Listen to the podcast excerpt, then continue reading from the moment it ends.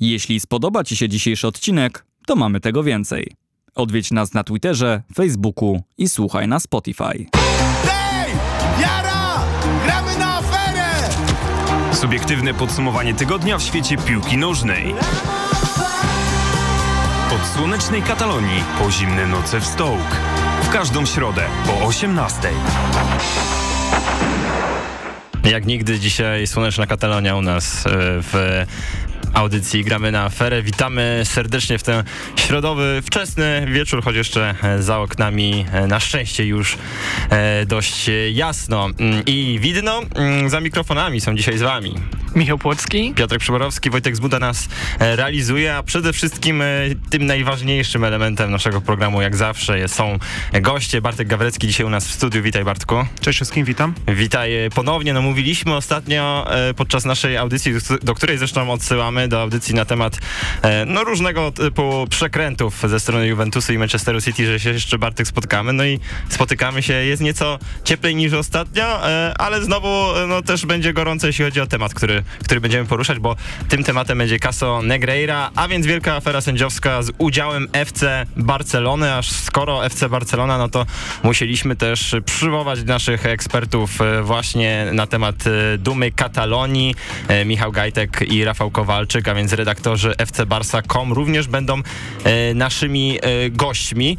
I wydaje mi się, że po prostu już za chwilę połączymy się z Michałem jako tym naszym drugim, pierwszym gościem telefonicznym, ale drugim ogółem i porozmawiamy sobie wówczas, e, rozłożymy wszystko na czynniki pierwsze. O co w tym wszystkim chodzi? Zostańcie z nami. Radio Afera, rokowo i alternatywnie.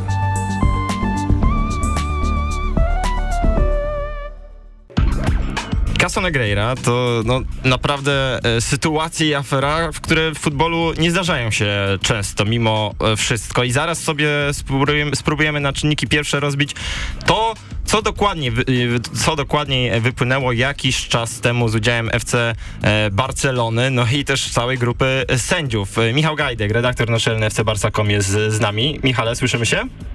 Tak jest, dzień dobry, cześć. I oczywiście Bartek również u nas w studiu. Mm, no i tak na sam początek, Michale, co to tam się wydarzyło dokładnie? Co to za afera wypłynęła, jeśli chodzi o Barcelonę? E, długo by można było pewnie o tym mówić, natomiast e, najkrótsza wersja jest chyba tak naprawdę taka, że w połowie lutego e, hiszpańskie media podały, podały informację, że FC Barcelona przez 17 lat, 2001-2018 E, zatrudniała e, firmę należącą do ówczesnego wiceprzewodniczącego sędzi, Komitetu Sędziowskiego, czyli właśnie pana e, Negreira. Przez te 17 lat z klubu do, do firm pana Negreira popłynęło łącznie ponad 7 milionów euro, tak więc całkiem spora kwota. Klub na chwilę obecną, szczerze mówiąc, nie wypowiedział się w sposób jakiś konkluzywny, co tam się w ogóle zadziało ich zdaniem. Od razu tego samego dnia zostało wypuszczono oświadczenie, że chodziło o to, że pan Negreira e, przygotowywał raporty sędziowskie e, dla klubu o innych sędziach, e, którzy prowadzili mecze Barcelony, ewentualnie innych drużyn i to z tego względu były opłacone te, e, te pieniądze. E, co samo w sobie by nie było wtedy nielegalne. Oczywiście tutaj mamy konflikt interesów, e, ewidentnie konflikt etyczny, natomiast nie byłoby to nielegalne. Natomiast prokuratura uznaje, że rzeczywiście te płatności miały na celu wpłynięcie przez Barcelonę za pośrednictwem pana Negreira na wynik rozgrywek dla Liga i dlatego skierowała do sądu w Barcelonie akt oskarżenia w połowie marca. Powiedziałem, że jeszcze, jeszcze tylko, żeby zakończyć, że klub na chwilę obecną się nie wypowiedział w sposób taki wyczerpujący poza tym pierwotnym komunikatem i, taki, komunikatem i takimi strzępkami trochę oświadczeń w mediach. Natomiast na najbliższy poniedziałek, 17 kwietnia, Joan Laporta, prezes Barcelony, zapowiedział konferencję prasową, której, no, podczas której ma poruszyć ten temat i wyjaśnić, o co tak naprawdę zdaniem klubu chodziło. Tak, wspomniałeś tutaj, że e, te przelewy zakończyły się około roku 2018, czyli to jest już tak naprawdę 6 lat od dnia dzisiejszego i jak wiemy system prawny hiszpański, jak i UEFA różnią się w podejściu do tego, czy, czy sprawa się przedawniła, czy możemy coś z tym zrobić. Bartku, e, jak to wygląda? Tak jak wspomniałeś, musimy sobie to e, podzielić na kwestie związane z prawem powszechnie obowiązującym, w tym przypadku e, prawem karnym, no i postępowaniem dyscyplinarnym na gruncie przepisów wewnętrznych na li La Ligi. Jeżeli chodzi o przepisy wewnętrzne La Ligi, to nawet wypowiadał się na ten temat prezydent La Liga, Javier Tebas i on potwierdził, że no, na Barcelonę właściwie nie można nałożyć e, sankcji sportowych w tej sprawie. Powiedział, że z La Liga uszanujemy dochodzenie, które zamierza przeprowadzić prokuratura. Jeżeli zdecyduje się złożyć odpowiednią skargę, no to będziemy się w tym, będzie w tym zakresie obrona. Jednak nie jest możliwe, aby Barcelona mogła zostać ukarana, ponieważ między 2018 a 2023 rokiem, kiedy zaczęła się ta sprawa, e, minęło 5 lat, a sankcje na gruncie La Ligi e, mamy przedawnienie trzyletnie, dlatego że zgodnie e, z regulaminem z regulaminem, nazwijmy to dys- dyscyplinarnym, przepisach dyscyplinarnych La Ligi e, przyczyną wygaśnięcia sportowej odpowiedzialności dyscyplinarnej, czyli na przykład takiej, że można było pomyśleć o degradacji, czy jakich, jakichkolwiek karach finansowych, czy innych e, zakazach jest, e, jest przedawnienie. Zgodnie z artykułem 75 tego regulaminu, jeżeli naruszenia, mamy, tak, do, mamy do czynienia z tak zwanymi naruszeniami bardzo poważnymi, one przedawniają się po trzech latach, to jest jednak dość krótki termin. Wiek przedawnienia biegnie od dnia następującego po, po popełnieniu czynu. E, No, także w tym momencie trudno będzie mówić o jakichkolwiek konsekwencjach dyscyplinarnych, natomiast na podstawie przepisów e, prawa karnego, hiszpańskiego e, kodeksu karnego, ewentualne, e, ewentualne konsekwencje prawne mogą grozić ówczesnemu prezesowi Barcelony. Może to być na przykład kara pozbawienia wolności do 6 lat. No natomiast tutaj mu trzeba byłoby udowodnić, udowodnić winę, czyli tutaj rzeczywiście miał, miały, te, miały tutaj miejsce jakieś mechanizmy korupcyjne. Także jeżeli już myślimy o jakiejkolwiek odpowiedzialności, no to na gruncie karnoprawnym. Tutaj e, Bartek wspomniał e, nazwisko pewnej osoby, z którą Barcelona nie ma e, raczej zbyt dobrych e, relacji. Javier Tebas. Michał, czy ty spodziewałeś się, mm, że w tym przypadku Javier Tebas jednak spróbuje wykorzystać tę sprawę Casa Negreira, żeby jeszcze bardziej pogrążyć Barcelonę, znając jego nie do, nie, nie do końca najlepsze e, stosunki z dumą Katalonii? E, czy to jest jednak taki tutaj sojusznik, którego się nie spodziewałeś jako kibic Barcelony, który rzeczywiście od początku mówi, że e, no Barcelony skazać się w żaden sposób nie będzie dało. Znaczy wiesz co, ja uważam, że e, czym innym jest mówienie o faktach, a czym innym jest e, opinia. No Javier Tebas nie może powiedzieć niczego innego niż to, że Barcelona nie da się skaz- skazać, czy nie da się jej ukarać w kwestiach sportowych, gdyż tak jak Bartek powiedział, no to jest po prostu obiektywny fakt, to jest przedawnienie, które wynika z przepisów prawa, z przepisów regulaminu La Liga, z przepisów ustawy hiszpańskiej, również o sporcie, jeżeli chodzi o kwestie administracyjne. I Javier Tebas choćby bardzo chciał, a zakładam, że bardzo by chciał, to nie jest w stanie nic w tym temacie e, zrobić, tak? bo prawo przecież wstecz e, działać nie będzie. Natomiast Javier Tebas no, wypowiada się na ten temat e, bardzo mocno w mediach, e, co i raz powtarzając, że jest absolutnie największa afera, jaką on kiedykolwiek widział w hiszpańskim futbolu i to coś, co wyrządza hiszpańskiemu futbolowi gigantyczną szkodę. I z kolei dwa dni po tym, jak Laporta będzie wyjaśnił, o co chodzi w tej sprawie, czyli 17 kwietnia, na 19 kwietnia Javier Tebas zwołał nadzwyczajne zgromadzenie wszystkich klubów La Liga, tak żeby również o tej e, aferze, aferze porozmawiać. E, ja może jeszcze tylko dopowiem do tego wątku, o którym e, wspominał Bartek, bo ja wspominałem, że prokuratura rzeczywiście skierowała do sądu akt oskarżenia w tej sprawie i oskarżonymi są Pat Negreira, FC Barcelona jako klub oraz byli prezesi Barcelony oraz dyrektorzy generalni z czasów z lat 2011-2018. Dlaczego taki okres? Dlatego, że to przestępstwo korupcji sportowej w hiszpańskim prawie karnym pojawiło się w kodeksie karnym dopiero 20 któregoś grudnia, nie pamiętam dokładnie, 2010 roku. W związku z czym mamy tutaj e, sytuację, że Joan Laporta, czyli obecnie ponownie e, sternik Barcelony, który również był w klubie, e, gdy klub te płatności na rzecz pana Negreido wykonywał, oskarżony tutaj nie jest z tego względu właśnie, że wówczas przestępstwo po prostu nie było nawet skodyfikowane w kodeksie karnym. Jak jesteśmy jeszcze przy Javierze Tebasie, w zeszłym tygodniu pojawiły się oskarżenia, że fałszował dowody w sprawie przeciwko Barcelonie. Oczywiście Tebas szybciutko zaprzeczył, że nic takiego nie miało miejsca. Czy możesz nam więcej powiedzieć o tej sprawie? Tak, e, znaczy generalnie tutaj myślę, że rzeczywiście takie stwierdzenie, że fałszował dowody to jest troszkę e, wprowadzenie być może przez hiszpańskie media celowe lub niecelowe e, w błąd. E, chodziło bardziej o to, że Javier Tebas przekazał Wszedł w posiadanie e, podczas innej afery, e, która się w hiszpańskim futbolu rozgrywa, tak zwany Caso Soule, e, wszedł w posiadanie, e, gdy to Liga postąpiła dokumentu, którym był list od pana e, Javiera Contrerasa, który, Josefa Contrerasa, który jest byłym dyrektorem e, Barcelony, który zmarł e, w grudniu e, zeszłego roku. I on pozostawił taki list właśnie, którym w ogóle to była taka bardzo filmowa historia, bo było tam na kopercie napisane, że nie otwierać, e, jeżeli nie wydarzy się największe nieszczęście na świecie, czy, w ogóle coś takiego. No i w tym liście było napisane szereg instrukcji co do nieruchomości, co do, co do różnych kwot i tak dalej. I były również w tym liście wymienione pewnie imiona. No i tak się składa, że te imiona były z imionami właśnie e, byłych włodarzy Barcelony. Był tam e, Rosej, e, czyli nazwisko, które, które również nosi były prezes Barcelony oraz był Josep Maria, czyli imiona innego byłego prezesa Barcelony. No i Javier Tebas wziął ten list i przekazał prokuraturze, interpretując ten dokument, że na pewno chodziło tutaj o to, że to są właśnie byli prezesi Barcelony i żeby prokuratura ten temat zbadała pod tym kątem, po czym okazało się, że tak naprawdę to jest przypadkowa zbieżność po prostu ten pan Contreras, który ten, który ten list zostawił, e, się takimi współpracownikami. E, Josep Maria to był bodajże jego księgowy, a, a Rosej to jego prawnik, czy, czy pracownik banku, który trzymał pieniądze. E, I stąd właśnie ta informacja o tych fałszywych dowodach, no bo rzeczywiście to nie był jakikolwiek dowód, który mógłby świadczyć e, o czymkolwiek w stosunku do FC Barcelony. No, czyli e, to już e, kolejna taka prawna telenowela z udziałem FC Barcelony, w której nie zawsze to Barcelona jest e, tym, tą złą e, stroną w jakikolwiek sposób, ale tutaj Bartku, e, do ciebie pytanie, bo no jednak e, co jakiś czas e, spotykamy się tu już drugi raz, ale co jakiś czas oczywiście śledzisz tego różnego rodzaju, nie do końca czarno-białe, ale też nie do końca legalne działania klubów piłkarskich. Czy Barcelona aktualnie w tych ostatnich, no w ciągu tych ostatnich kilku lat stała się takim graczem numer jeden, jeśli chodzi o właśnie taki nie do końca e, czystą e, grę, no bo to jednak już kolejna afera z udziałem FC Barcelony, która e, w tym ostatnim czasie wypłynęła.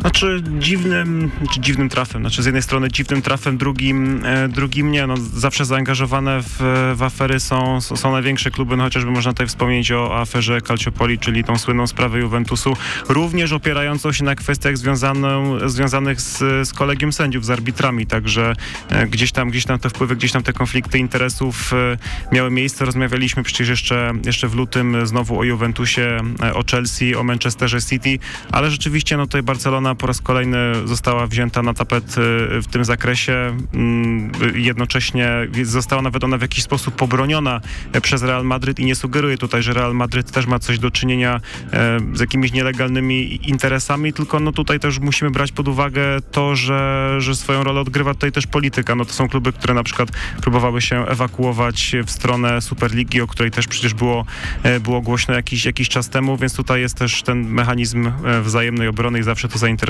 na rzecz tych największych klubów będzie proporcjonalnie największe.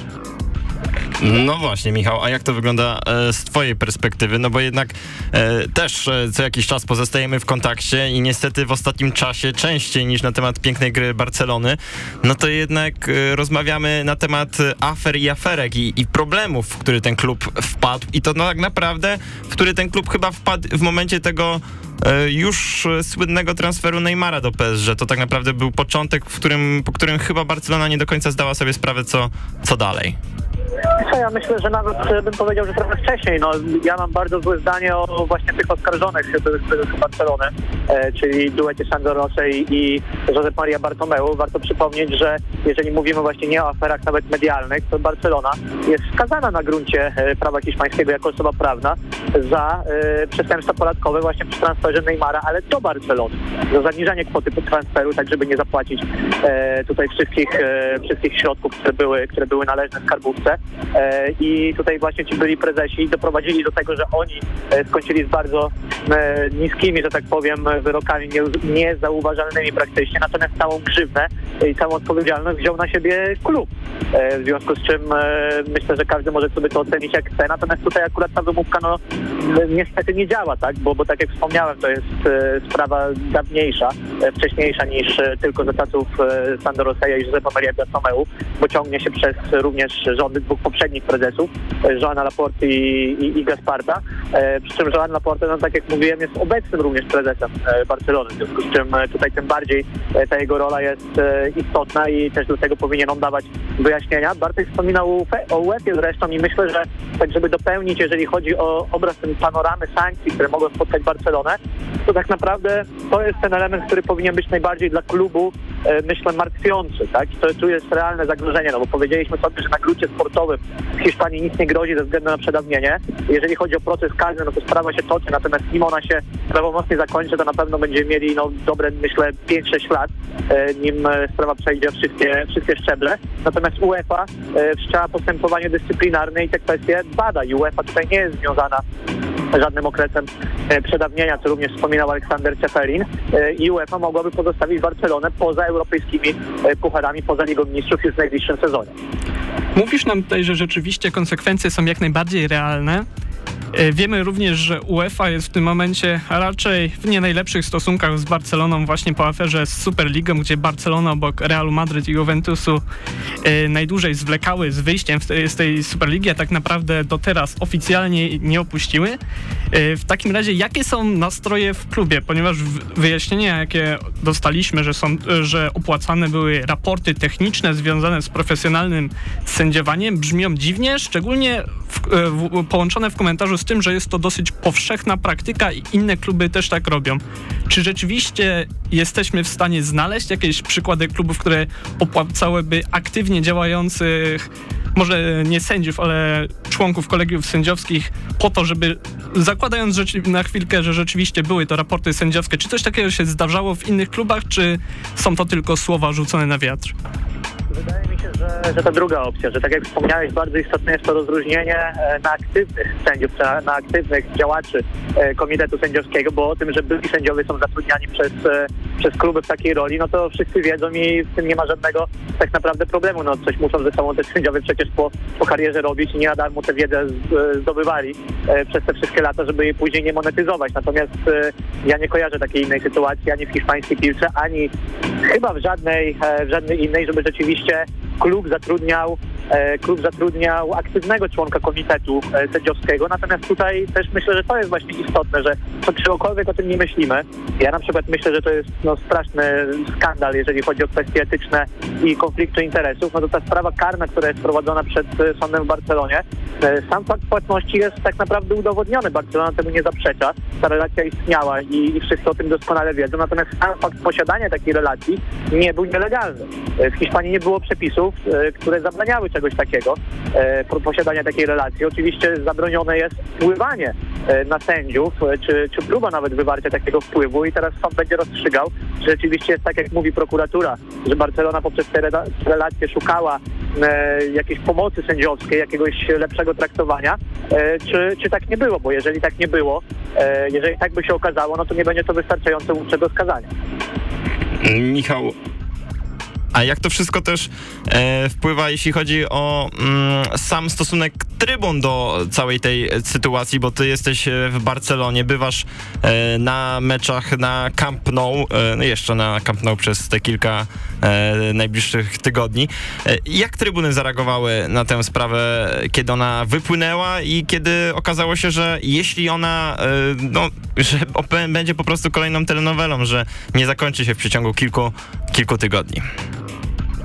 Szczerze, że póki co e, nie za specjalnie to widać, mam takie, mam takie wrażenie. Znaczy na pewno, jeżeli wcześniej była wrogość w kierunku Javiera Tebasy, to teraz ta, ta wrogość jest jeszcze bardziej nasilona. Nie wiem, czy mam to traktować jako właśnie jakieś ujście e, tej, tej frustracji związanej z tą sytuacją. Natomiast to nie jest tak, że to jest temat numer, numer jeden na, na trybunach. Nie jest to też na pewno temat numer jeden wśród samej drużyny, bo przecież wiemy, że, e, że Xavi na konferencjach prasowych jest regularnie o ten temat pytany, ale mówi, że no, w tym temacie to wypowiada się prezes klubu, natomiast on jako trener i piłkarze są skupieni na, na kwestiach sportowych i też trudno im się dziwić.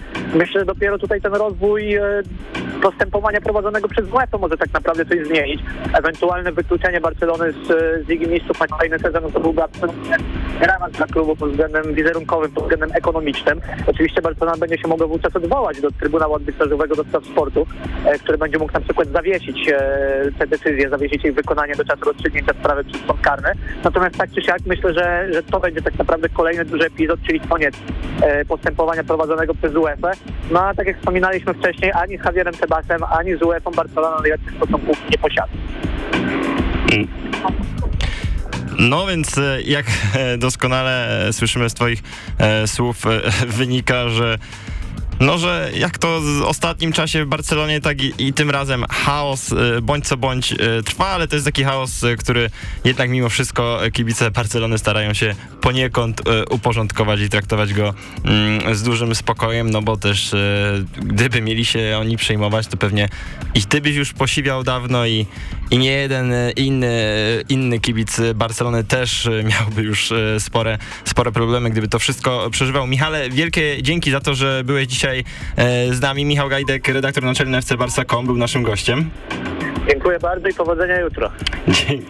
Dzięki, e, dzięki wielkie. My usłyszymy się za kilka minut z Rafałem Kowalczykiem, redaktorem e, również FC Barca.com, a więc e, kolegą redakcyjnym Michała. Bartek też zostaje tutaj e, z nami i jeszcze sobie chwilkę do godziny 19 e, poanalizujemy i przeanalizujemy całą tą sytuację z zamieszczaniem sędziowskim e, w Barcelonie, ale tak troszkę też e, bardziej ogółem, jeśli chodzi o całą Hiszpanię, bo tam też dużo dymów. Zostańcie z nami. Radio Afera, rokowo i alternatywnie. To audycja Gramy na aferę. Dzisiaj omawiamy temat Caso Negreira, więc wielkiej afery sędziowskiej z udziałem FC Barcelony, ale to y, nie jedyne dymy związane z sędziami y, w Hiszpanii, no bo ten poziom sędziowski no jest jaki jest. Może to akurat lepiej zostawić bez komentarza. Jest też z nami już połączony drogą telefoniczną Rafał Kowalczyk, redaktor fcbarsa.com. Słyszymy się, Rafale, dobrze? Hej, słyszymy się bardzo dobrze. No i Rafał również jest e, prowadzącym Un e, Tok de la Rambla, a więc e, podcastu właśnie kibiców FC Barcelony. Został z nami oczywiście w studiu Bartek. Mm, Rafale, jak ty podchodzisz do sprawy Caso Negreira? Jak ty na nią zareagowałeś? No bo jednak na tle tych wszystkich afer z udziałem FC Barcelony w ostatnim czasie, ta wydaje się mimo wszystko najpoważniejsza. To jest w ogóle ciekawy temat, bo oczywiście ja nie chcę bagatelizować tego, co dzieje się wokół całej afery sędziowskiej związanej generalnie z Negreirą, bo tak naprawdę nie możemy na ten moment powiedzieć, że to jest stricte afera korupcyjna, sędziowie byli kupieni i tak dalej, i tak dalej. Liga przez 17 lat była ustawiona, ustawiona chociaż pewnie niektórzy chcieliby taki wariant, żeby się potwierdził. E, natomiast rzeczywiście kwestia jest taka, że my już gdzieś w zasadzie od tego momentu, od, o którym rozmawialiście też z Michałem, czyli gdzieś od transferu Neymara do Barcelony, jesteśmy przyzwyczajeni przez kolejne osoby związane z zarządem Barcelony do tego, że kolejne afery wypływają, te związane chociażby z aferą troli, czyli konta kupowany po to, żeby dyskredytować osoby związane ze środowiskiem piłkarzy i tak dalej, i tak dalej. Tego było naprawdę mnóstwo. Myślę, że temat na zupełnie osobną e, audycję. Natomiast no, gdzieś kibice zostali przyzwyczajeni do tego, że ciągle coś się dzieje, ciągle coś wypływa. Kiedy wydaje się, że już nic nie może się wydarzyć, to znowu pojawia się kolejna afera. I ta, tak jak mówicie, no jest to na pewno afera o największej wadze, o największym wymiarze, rzutująca nie tylko na samą Barcelonę, ale w zasadzie na całą ligę, na całe środowisko hiszpańskie, piłkę hiszpańską, a także, no jakby nie patrzeć, to trwało 17 lat tak naprawdę, także mówimy o czasach, kiedy Barcelona święciła swoje największe triumfy i to jest również martwiące, bo mówiliście jakie mogą spotkać Barcelonę, konsekwencjach, jakie mogą spotkać Barcelonę pod kątem e, prawa. Natomiast ja mam wrażenie, że konsekwencje tak naprawdę dotykają Barca i kibiców już teraz, bo e, oczywiście na te, na te kwestie prawne ciągle czekamy, natomiast wizerunkowo musimy spojrzeć na to tak, że e, te wszystkie triumfy, jakie tak jak powiedziałem, Barcelona święciła przez 17 lat, z lepszym lub gorszym skutkiem oczywiście, natomiast mówimy o, o sezonie 05-06, kiedy Barca wygrywała Ligę Mistrzów i wracała na tron w Hiszpanii. Mówimy o latach, kiedy e, Guardiola był e, no, tym prowodyrem najlepszej Barcelony w historii. Mówimy o Luisie Enrique, który ponownie zdobył, zdobył w Hiszpanii triplet, e, znaczy dublet w Hiszpanii plus, plus Ligę Mistrzów. I tak naprawdę cała ta kwestia wszystkich tych zwycięstw, wszystkich tych pięknych okresów, które my przeżywaliśmy jako kibice jest już w pewien sposób naznaczona tą aferą. I jakiejkolwiek dyskusji nie podejmujemy w jakichkolwiek środowiskach kibicowskich, to wraca kwestia tego, że no fajnie, że wygrywaliście, ale przecież to wszystko było ustawione, więc e, no oczywiście czekamy na rozwiązanie sprawy, natomiast już gdzieś ta łatka jest Barcelony, Barcelonie w pewien sposób przypięta i, i jest to martwiące. Michał powiedział o tej konferencji Laporty, która odbędzie się 17 kwietnia, czyli w najbliższy poniedziałek i to jest o tyle istotne, że można się zastanawiać, co tak naprawdę Laporta będzie chciał przekazać. Ja mam wrażenie, że jest to głównie e, taka konferencja, którą on będzie chciał nie tyle cokolwiek wyjaśnić, bo to wszystko będzie oczywiście wyjaśniane w sądzie, natomiast zbudować trochę bardziej pozytywną atmosferę wokół klubu, bo też musimy pamiętać, jakim człowiekiem jest Laporta. To jest przede wszystkim polityk, który bardzo dobrze czyta nastroje społeczne. Jeżeli wokół Barcelony robi się, nazwijmy to, smrodek, to on będzie chciał to rozwiać jakimiś dobrymi argumentami, ale przede wszystkim patrząc na, na wszystko przez różowe okulary. Także ja jestem bardzo ciekawy, co powie, natomiast też nie spodziewałbym się jakiegoś wielkiego rozstrzygnięcia sprawy na tej konferencji. Tak jak mówisz, od momentu, kiedy wypłynęły te oskarżenia, Barcelona jest pośrednio atakowana, zbierane są jakieś filmiki, zdjęcia mające wskazywać na to, że przez te naście lat tutaj w tych konkretnych miejscach sędziowie się mylili, co oznacza, że na pewno byli przekupieni na korzyść Barcelony. Z drugiej strony, jednak szczególnie w ostatnich latach, bardzo, bardzo często słyszymy o tym, że w Hiszpanii sędziowanie jest po prostu na bardzo niskim poziomie. Czy myślisz, że rzeczywiście po prostu poziom sędziowski w Hiszpanii jest tak niski, że sędziowie mylą się bardzo często? No i oczywiście, jeżeli mylą się bardzo często, no to będzie bardzo dużo pomyłek, chociażby sprzyjających Barcelonie, ale również dałoby się zebrać podobne kompilacje, które by wskazywały na to, że Barcelona jest kręcona i oszukiwana. E, no właśnie, to też jest bardzo ciekawa kwestia podnoszona tak naprawdę przez dwa obozy kibicowskie. Nie ukrywam, że z jednej strony przede wszystkim są to kibice Barcelony, a z drugiej strony kibice głównie Realu Madryt. No z wiadomych powodów. Odwieczna, odwieczna rywalizacja między tymi klubami i wszelkie potknięcie jednej ze stron jest wykorzystywane jakkolwiek, chociażby medialnie przez, przez drugą stronę. No pojawiało się mnóstwo takich różnych filmów, kompilacji, tak jak mówisz, zdjęć, że piłka przekroczyła linię bramkową, a bramka nie była uznana, że piłka nie przekroczyła linii bramkowej, a bramka była uznana. Natomiast yy, po pierwsze, no, nikt z nas nie jest specjalistą od ustawiania meczów na przestrzeni 17 lat w lidze hiszpańskiej. Natomiast e, no, odnosząc się też do samej kwoty, co często było podnoszone, że jest to 7,3 miliona euro przez 17 lat. Jeżeli mielibyśmy się doszukiwać błędów w każdym spotkaniu przez tyle lat i powiązać to jakkolwiek z kwotą, która została przepuszczona przez spółki związane ze środowiskiem Negreiry, to wydaje mi się, że mimo wszystko to, to są zupełnie nie te liczby, żeby mówić o, o takiej skali działania. Po drugie też zastanówmy się, co oznacza tak naprawdę, no zakładając, tak, że, że te mecze rzeczywiście były ustawione, chociaż nikt tego tak naprawdę nie udowodnił i nadal nie ma dowodów na to. E, natomiast czym, czym jest ustawianie meczów, tak? Czy jest to korzystne, korzystne podyktowanie rzutu karnego przy jakiejś wątpliwej sytuacji, czy jest to bardziej sprzyjające sędziowanie, nie pokazanie żółtej kartki, przychylniejsze patrzenie okiem na, na jakiegoś zawodnika w momencie, kiedy nie powinno być to robione. Tak naprawdę nikt z nas nie wie, co kryje się pod tym ustawianiem, e, ustawianiem meczu, więc ja też bym nie wyciągał takich właśnie pochopnych wniosków, że mamy mecz tego i tego kwietnia, e, była taka i taka sytuacja i to jest dowodem na to, że rzeczywiście były mecze ustawione. Było spotkanie Barcelony z Betisem, kiedy Barca e, strzeliła bramkę, piłka przekroczyła linię i, i gol nie został uznany, a też dobrze pamiętamy mecz w maju 2014 roku w ostatniej kolejce Ligi Hiszpańskiej, kiedy Barcelona w bezpośrednim meczu z Atletico mierzyła się e, na Camp Nou i, i ten, ten mecz determinował kto, to, kto wygra finalnie, finalnie Ligę Hiszpańską. Przy remisie i, i wygra, wygranej Atletico była to właśnie drużyna z Madrytu, przy wygranej Barcelony była to e, Barcelona. No, przy, przy remisie 1 do 1 gola zdobył bodajże Leo Messi, tam nie było pozycji spalonej, sędzia odwiedzał spalonego, Barca mistrzem nie została, więc tak naprawdę co jest dowodem w tej sprawie? No jeżeli mielibyśmy e, bronić bronić Barsy, że nie kupowała sędziów, to to jest wręcz idealny argument ku temu, no bo co może być lepszym przykładem, jeżeli nie odebranie Barcelony mistrzostwa w bezpośrednim starciu z wiceliderem, tak? E, dlatego ja bym, ja bym jednak nie, nie szedł w tę stronę, że jakieś pojedyncze urywki e, pojedyncze urywki z poszczególnych meczów o czymkolwiek świadczą. Natomiast to też jest ciekawa kwestia, bo wydaje mi się, że o tym nie wspomnieliście. Natomiast ja oczywiście nie chcę się wysuwać przed szereg w, kwestii, w kwestiach prawnych. Natomiast jest to dosyć wyraźnie potwierdzane przez e, hiszpańskich prawników zajmujących się prawem, e, szczególnie karnym, że w tej sytuacji, w której jest Barcelona, tak naprawdę nie jest konieczne potwierdzenie, że e, którykolwiek mecz został ustawiony, natomiast sprawę przesądza już to, że e, jeżeli zostanie udowodnione, że płatności zostały przekazane po to, żeby mecze ustawiać, więc ta, ta kropeczka do połączenia jest powiedzmy trochę wcześniej, natomiast znowu wracamy do tego, że wszelkie dowody będą dopiero rozpatrywane i, i, i bronione, co pewnie też potrwa latami, jak, jak słusznie e, zauważają różnego rodzaju media, bo nie jest to kwestia tego, że za miesiąc sprawa się rozwiąże, tylko tak jak mówię, może się to ciągnąć latami wobec różnego rodzaju odwołań i tak dalej, i tak dalej.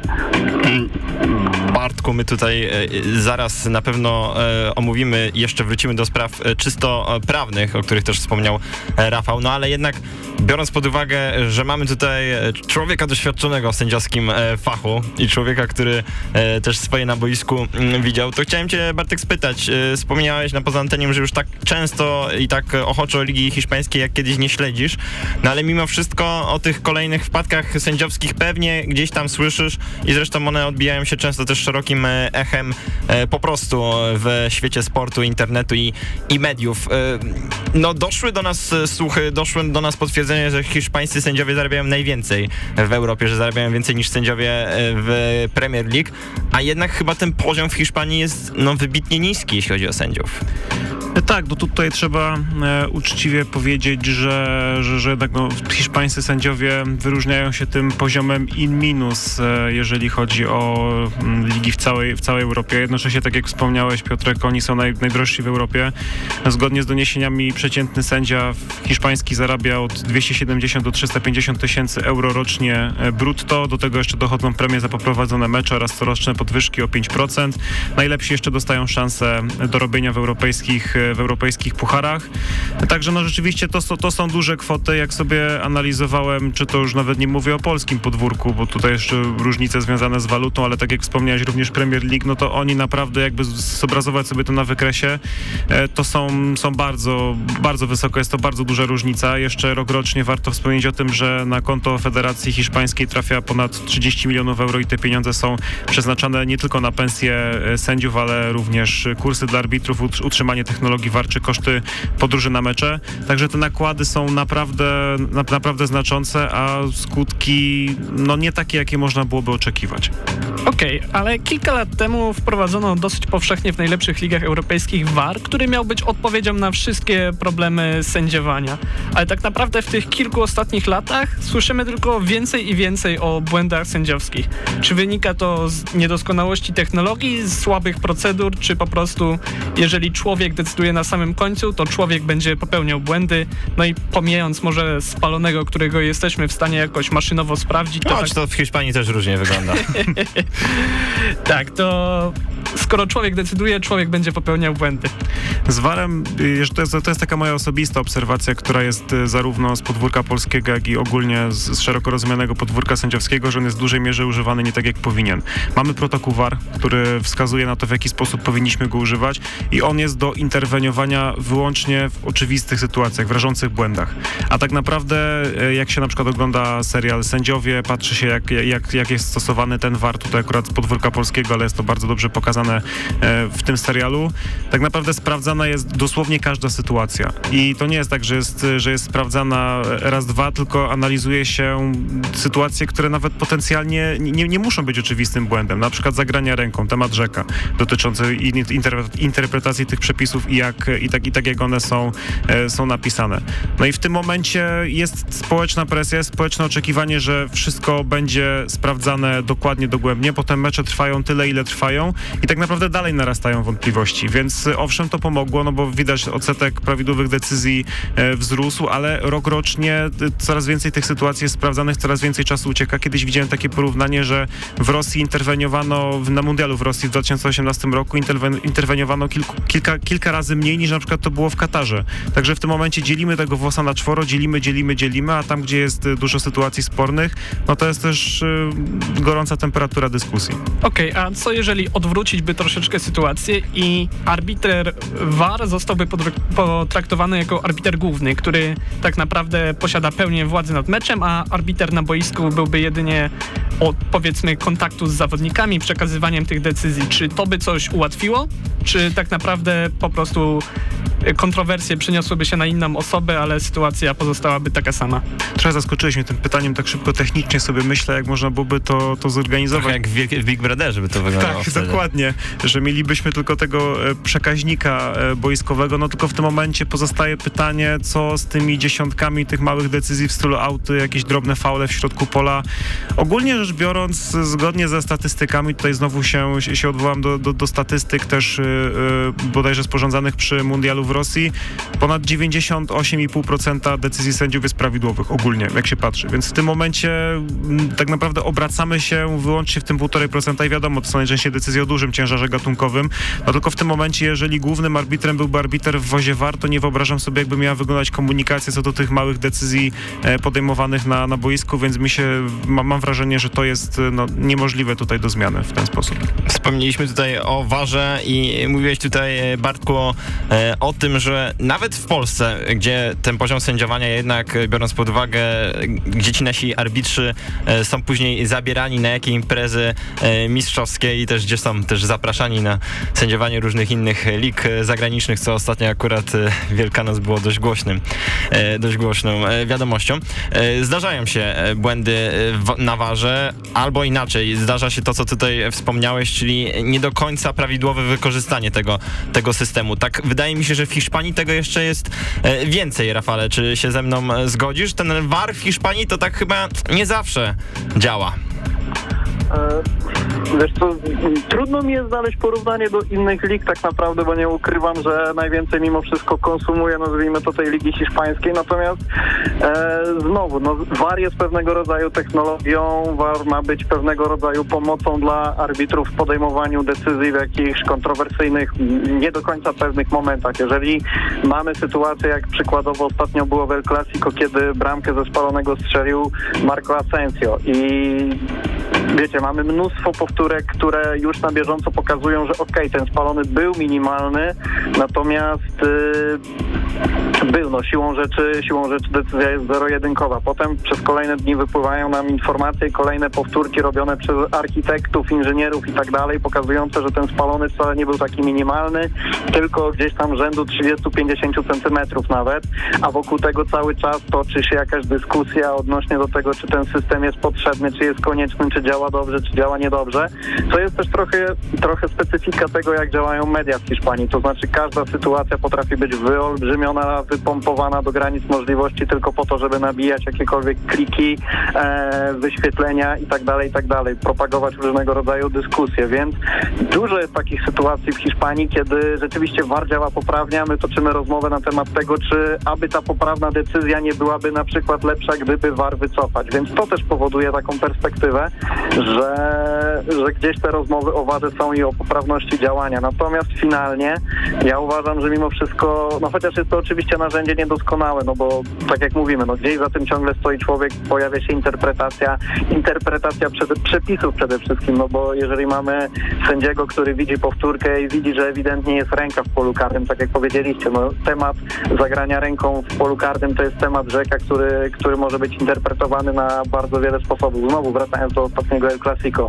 E, okolice, nie wiem, trzeciej minuty wrzutka Gabiego w pole karne, Alaba dotyka piłkę ręką. Ręka jest ewidentna i znowu pojawia się tak naprawdę interpretacja przepisu, a, a dyskusje toczą się, co by było, gdyby był war, nie było waru i tak dalej, i tak dalej. Więc kwestia też tego, jak my podchodzimy do tego, co się dzieje, kwestia zrozumienia, że część przepisów jest na tyle szczegółowa, że momentami nie da się tego zero-jedynkowo interpretować, znaczy nie da się zero-jedynkowo wskazać odpowiedniej decyzji, tylko pozostawiamy coś do interpretacji sędziego. Natomiast myślę, że najlepszym wyznacznikiem tego, jak działa VAR jest cofnięcie się powiedzmy, nie wiem, 10, 15, 20 lat i zobaczenie, jakie, jakie bramki były uznawane, jakie faule nie były dyktowane i tak dalej, i tak dalej. Więc myślę, że jeżeli to nie jest dowodem na to, że VAR mimo wszystko poprawił poprawność podejmowanych decyzji, to, to trudno mi znaleźć lepszy, lepszy dowód. Natomiast faktem jest, że jest to ciągle narzędzie, które warto w jakiś sposób e, rozwijać, przemyśleć. Na przykład to jest, to jest też bardzo często podnoszony temat.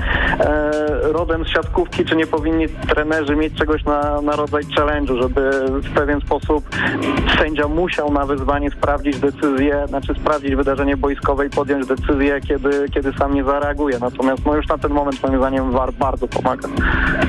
Tak jak Rafał e, wspomniałeś, e, rzeczywiście dyskutujemy w ogóle o zupełnie innym poziomie, jeżeli chodzi o kontrowersje. Akurat tu od razu mi się przypomina sytuacja z podwórka polskiego e, i bramka Hamalajnena w 93 minucie w którychś derbach Legia Lech, no, która była strzelonego, strzelona, no, nie wiem, z 2-3 metrowego spalonego. No, sprawa całkowicie, całkowicie ewidentna.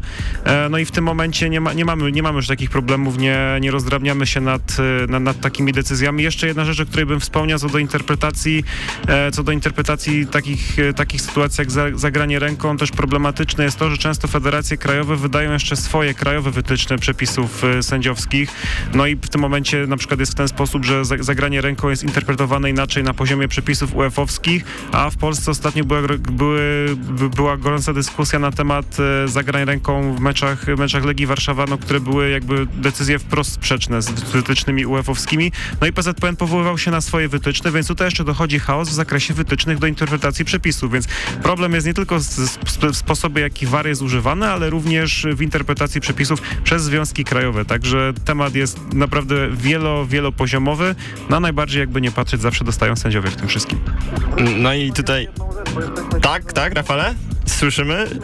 Jesteśmy świeżo po meczu Barcelony z Gironą. Była taka okazja, kiedy Araujo strzelał na bramkę Girony. Piłka tak naprawdę nie wiadomo, czy przekroczyła linię bramkową. Są powtórki, które tak naprawdę niewiele, wam, niewiele nam na ten temat mówią, natomiast takiego klarownego obrazu nie mamy. Z drugiej strony pamiętamy spotkanie z Mundialu, kiedy dostaliśmy praktycznie no, przepiękne w wielkiej rozdzielczości i, i bardzo widoczne powtórki tego, jak Japończycy, jeden z Japończyków wygarnął piłkę przed opuszczeniem boiska, dosłownie o włos piłka dotykała, była styczna z linią końcową, więc jeżeli szukać jakichkolwiek kontrowersji, to ja uważam, że w tę stronę, dlaczego jeszcze bardziej ta technologia nie pozwala w Hiszpanii, żeby doprecyzować pewnego rodzaju decyzje?